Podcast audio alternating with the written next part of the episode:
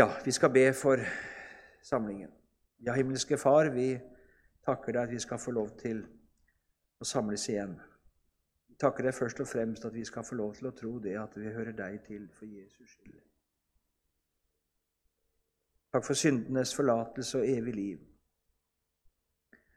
Takk, Jesus, for at du tok vår plass i døden og dommen, at vi har fått minnes det igjen.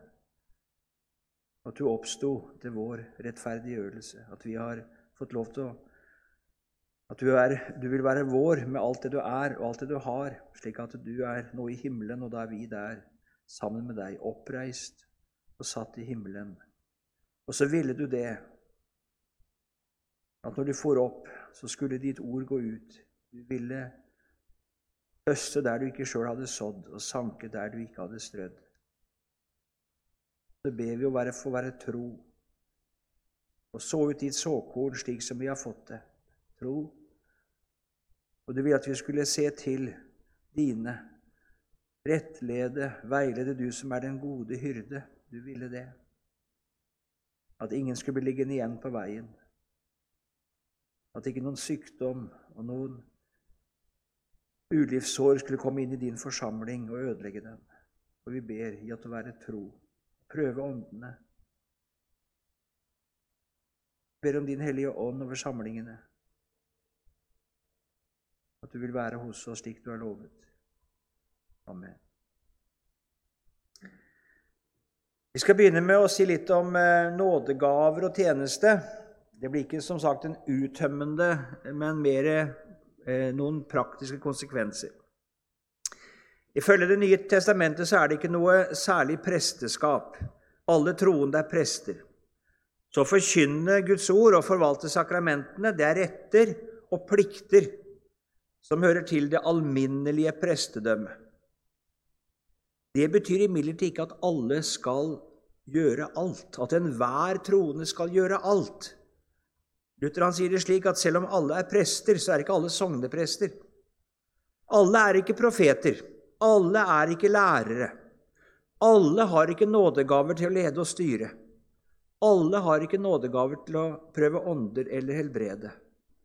Nei, Gud har ordnet med en deling av tjenesten mellom de troende. Gitt den enkelte utrustning til sin tjeneste.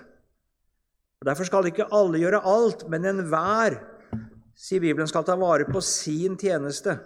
Vi skal slå opp og lese i 1. Korinterbrev 12, fra vers 4 der.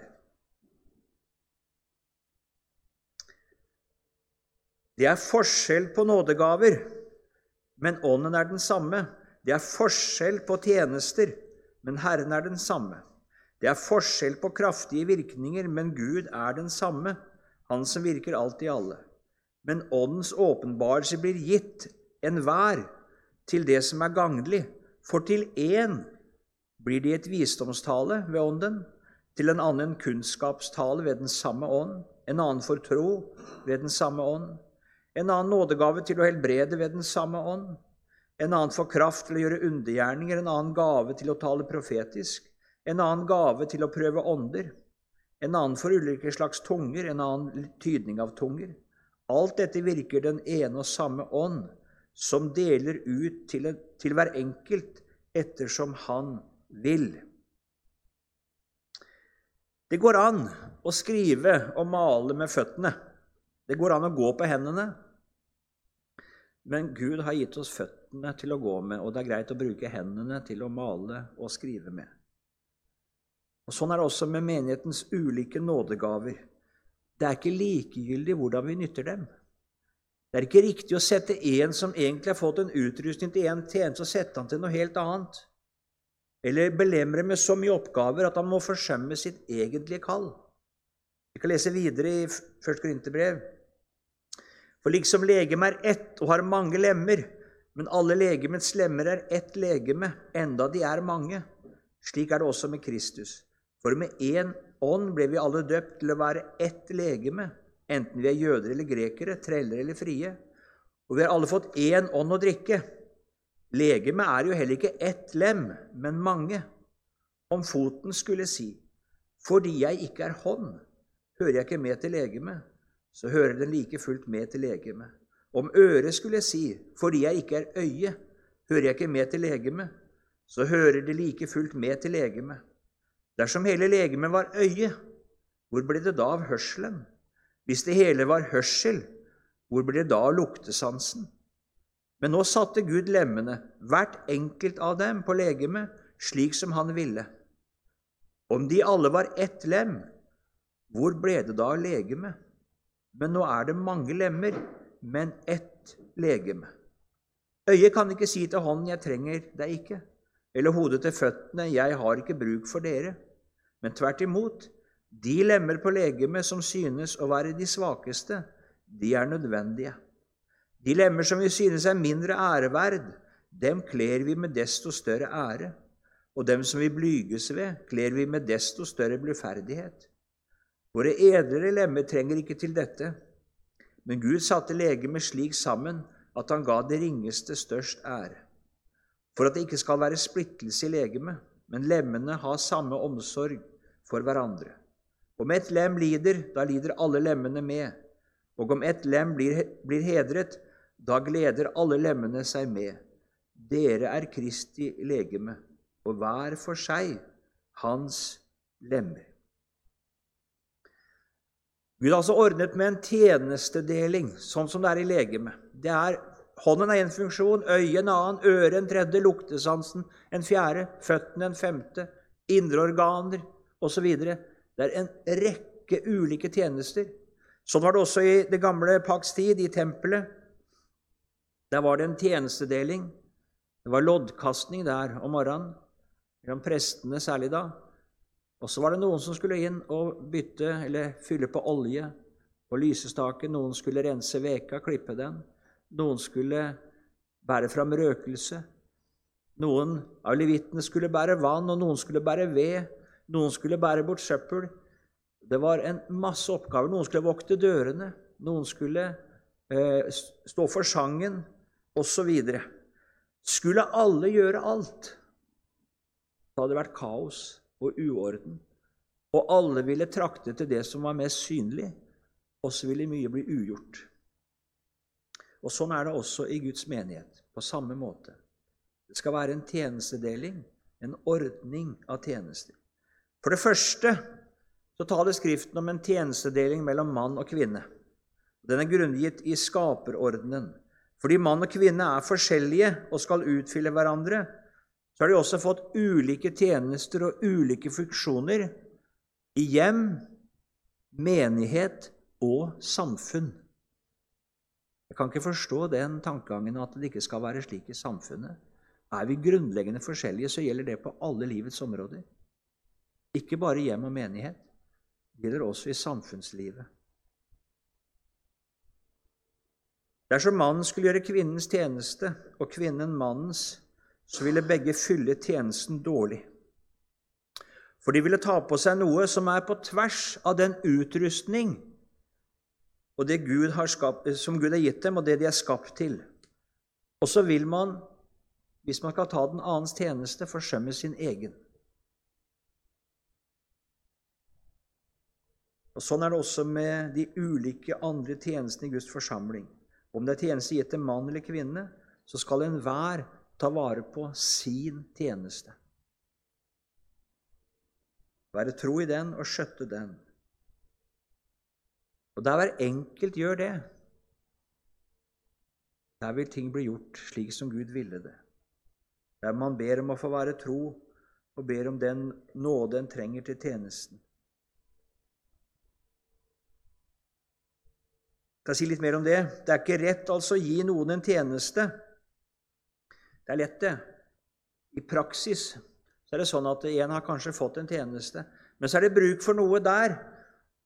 Og så er det gjerne noen sånne Tordenskjold-soldater som er villige og sier ja, og de blir spurt. Og så må de forsømme sin egentlige tjeneste. De må gå fra den, for det var bruk et annet sted, og så går de villig dit. Det var jo slik I den første kristne tid så var det apostlene som de var vant med det sikkert òg, at de hadde på en måte ansvar for det meste. Og så vokser arbeidet, og så tar de seg av syke, og så deler de ut mat til fattige, og så ser de at det går utover forkynnelsen. Det går utover bønnen. Det går utover deres egentlige tjeneste. Og sier at det er ikke rett. Det er ikke rett at det er sånn. Slå opp i Apostlenes gjerninger, kapittel 6, og vers 2.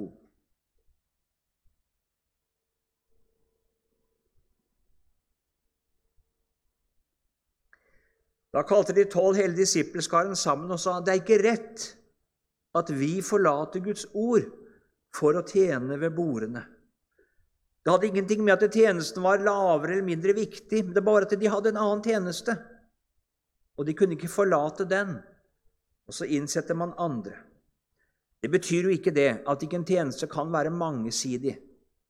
Det er ikke sånne helt avgrensede ting her. slik at Det ville ofte være slik i en tjeneste at det innebærer flere forskjellige ting. Men én kan ikke og skal ikke gjøre alt. Det skal være en fordeling, det skal være en delegering, det skal være fordeling av oppgaver. Det trenger vi å tenke på i våre dager. Vi tenker lett i våre dager demokratisk. Vi tenker i likestillingsbaner, hvor alle er like, og alle skal gjøre alt. Mange tror at det er nådegavehusholdning, og dette er alminnelig pressedømme, at alle skal gjøre alt, og alle skal være like.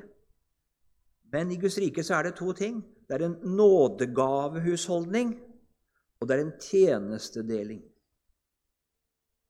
En nådegavehusholdning og en tjenestedeling. Og vi snakker om tjeneste. Merk det. Det tales ikke i Skriften om makt og innflytelse. Veldig mye av det som snakkes om i dag, særlig gjelder mann og kvinne, så skulle du tro at det handler om makt. Og det er noen som har mindre makt, så må, så må det bli forandring i stemme og, og, og, styrer og råd, så vi fordeler makt. Nei. Bibelen taler om tjeneste, utrustning, nådegaver. Om makt. Tre punkter. Det som svikter i mange sammenhenger, og hos oss, tror jeg også. De som er satt til å styre og lede, har lite syn for nådegaver. Det er andre motiver som driver når en kaller noen til tjeneste. Noen tenker sånn det gjelder å få aktivisert mennesker og gi de oppgaver. Få alle mann til pumpene, alle mann på dekk, og putte alle, sette alle ledige hender i arbeid. Det er noen som har nesten det som sitt program. Få alle i arbeid. Det er det viktigste. Få alle til å kjenne seg verdsatt, sett, regnet med.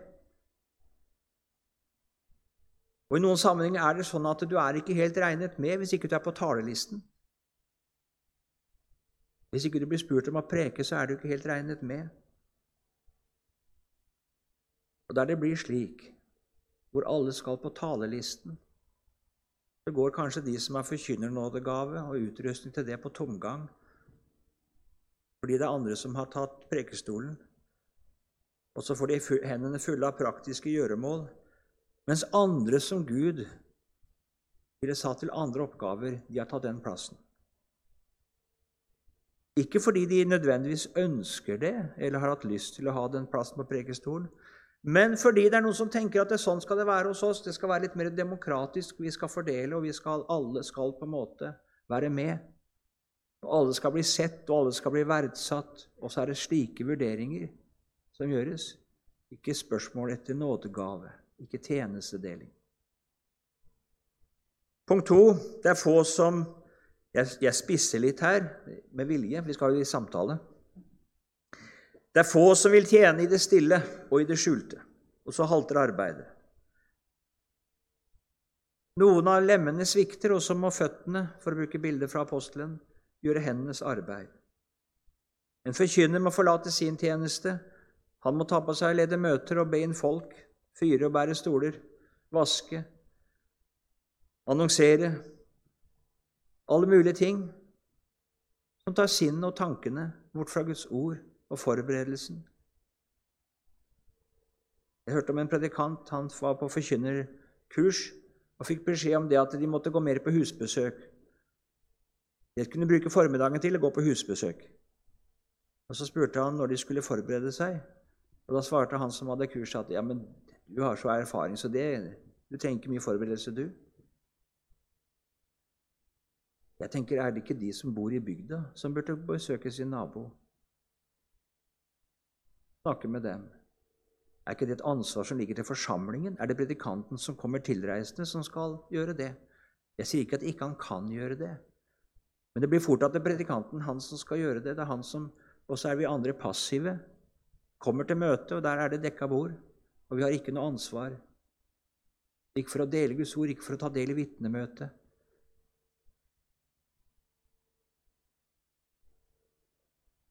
Kanskje er det slik at en del oppgaver ikke blir gjort, for mange synes det er liksom ikke noe. De sitter og venter på å få litt større oppgaver, og så vil man ikke eh, tjene ved bordene. Synes det er for lite. Tre, vi ser på tjenester og verv som påskjønnelse og æresbevisninger. I tvil om det, at sånn er det i verden. Å komme på Stortinget og blir valgt inn i styret Min far pleier å fortelle en historie om en som kom hjem og sier det til kona si at nå skal du bare vite det. Når gikk til sengs, altså at nå ligger du ved siden av en, en, en varamann.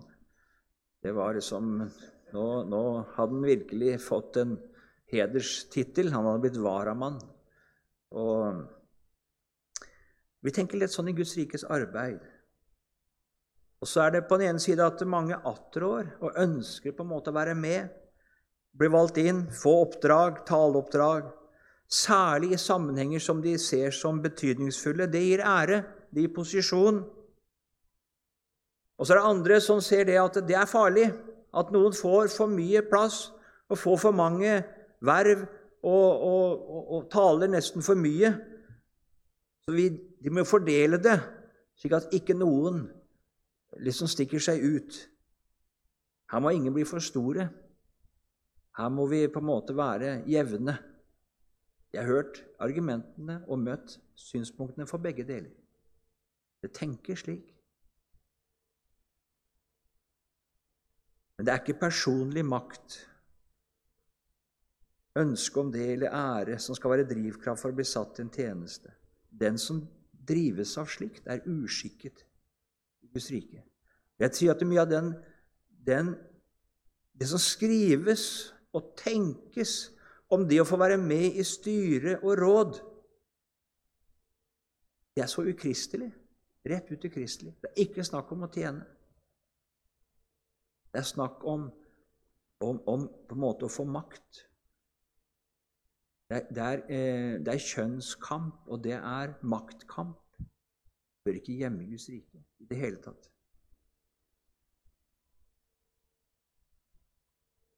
Og Samtidig slik er det noen som har fått en nådegave i en forsamling. Hvis du tenker litt tilbake i historien Vi har hatt noen i vårt land. Vi har hatt en Ola Hallesby, vi har hatt en Øyvind Andersen, en Carl Fredrik Wisløff.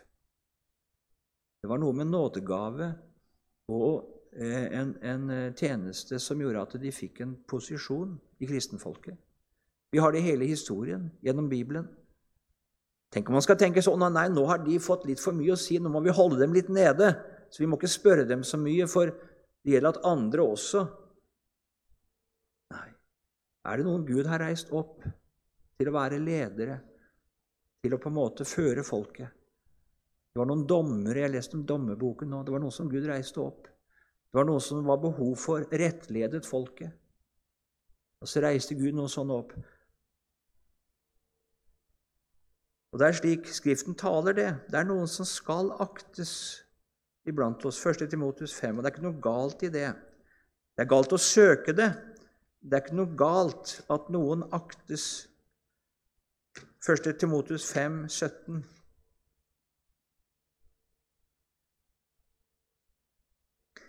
De eldste som er gode forstandere, skal aktes dobbel ære verd, særlig de som arbeider i tale og lære.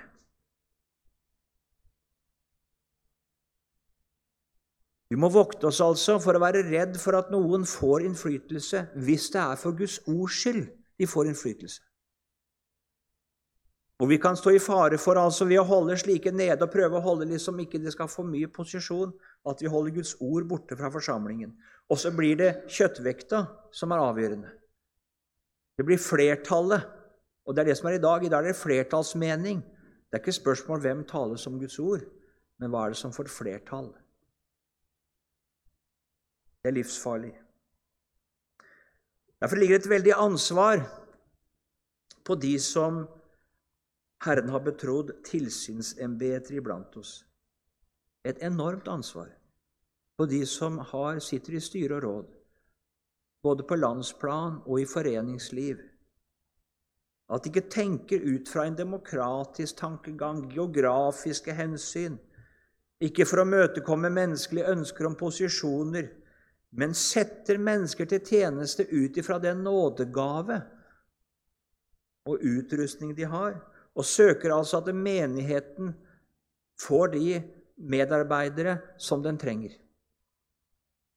Og lokalt også at det kalles de forkynnere og Det kalles de altså som har et budskap å komme med, ikke ut ifra andre typer hensyn. Også andre tjenester. Jeg kommer tilbake til litt andre tjenester litt seinere.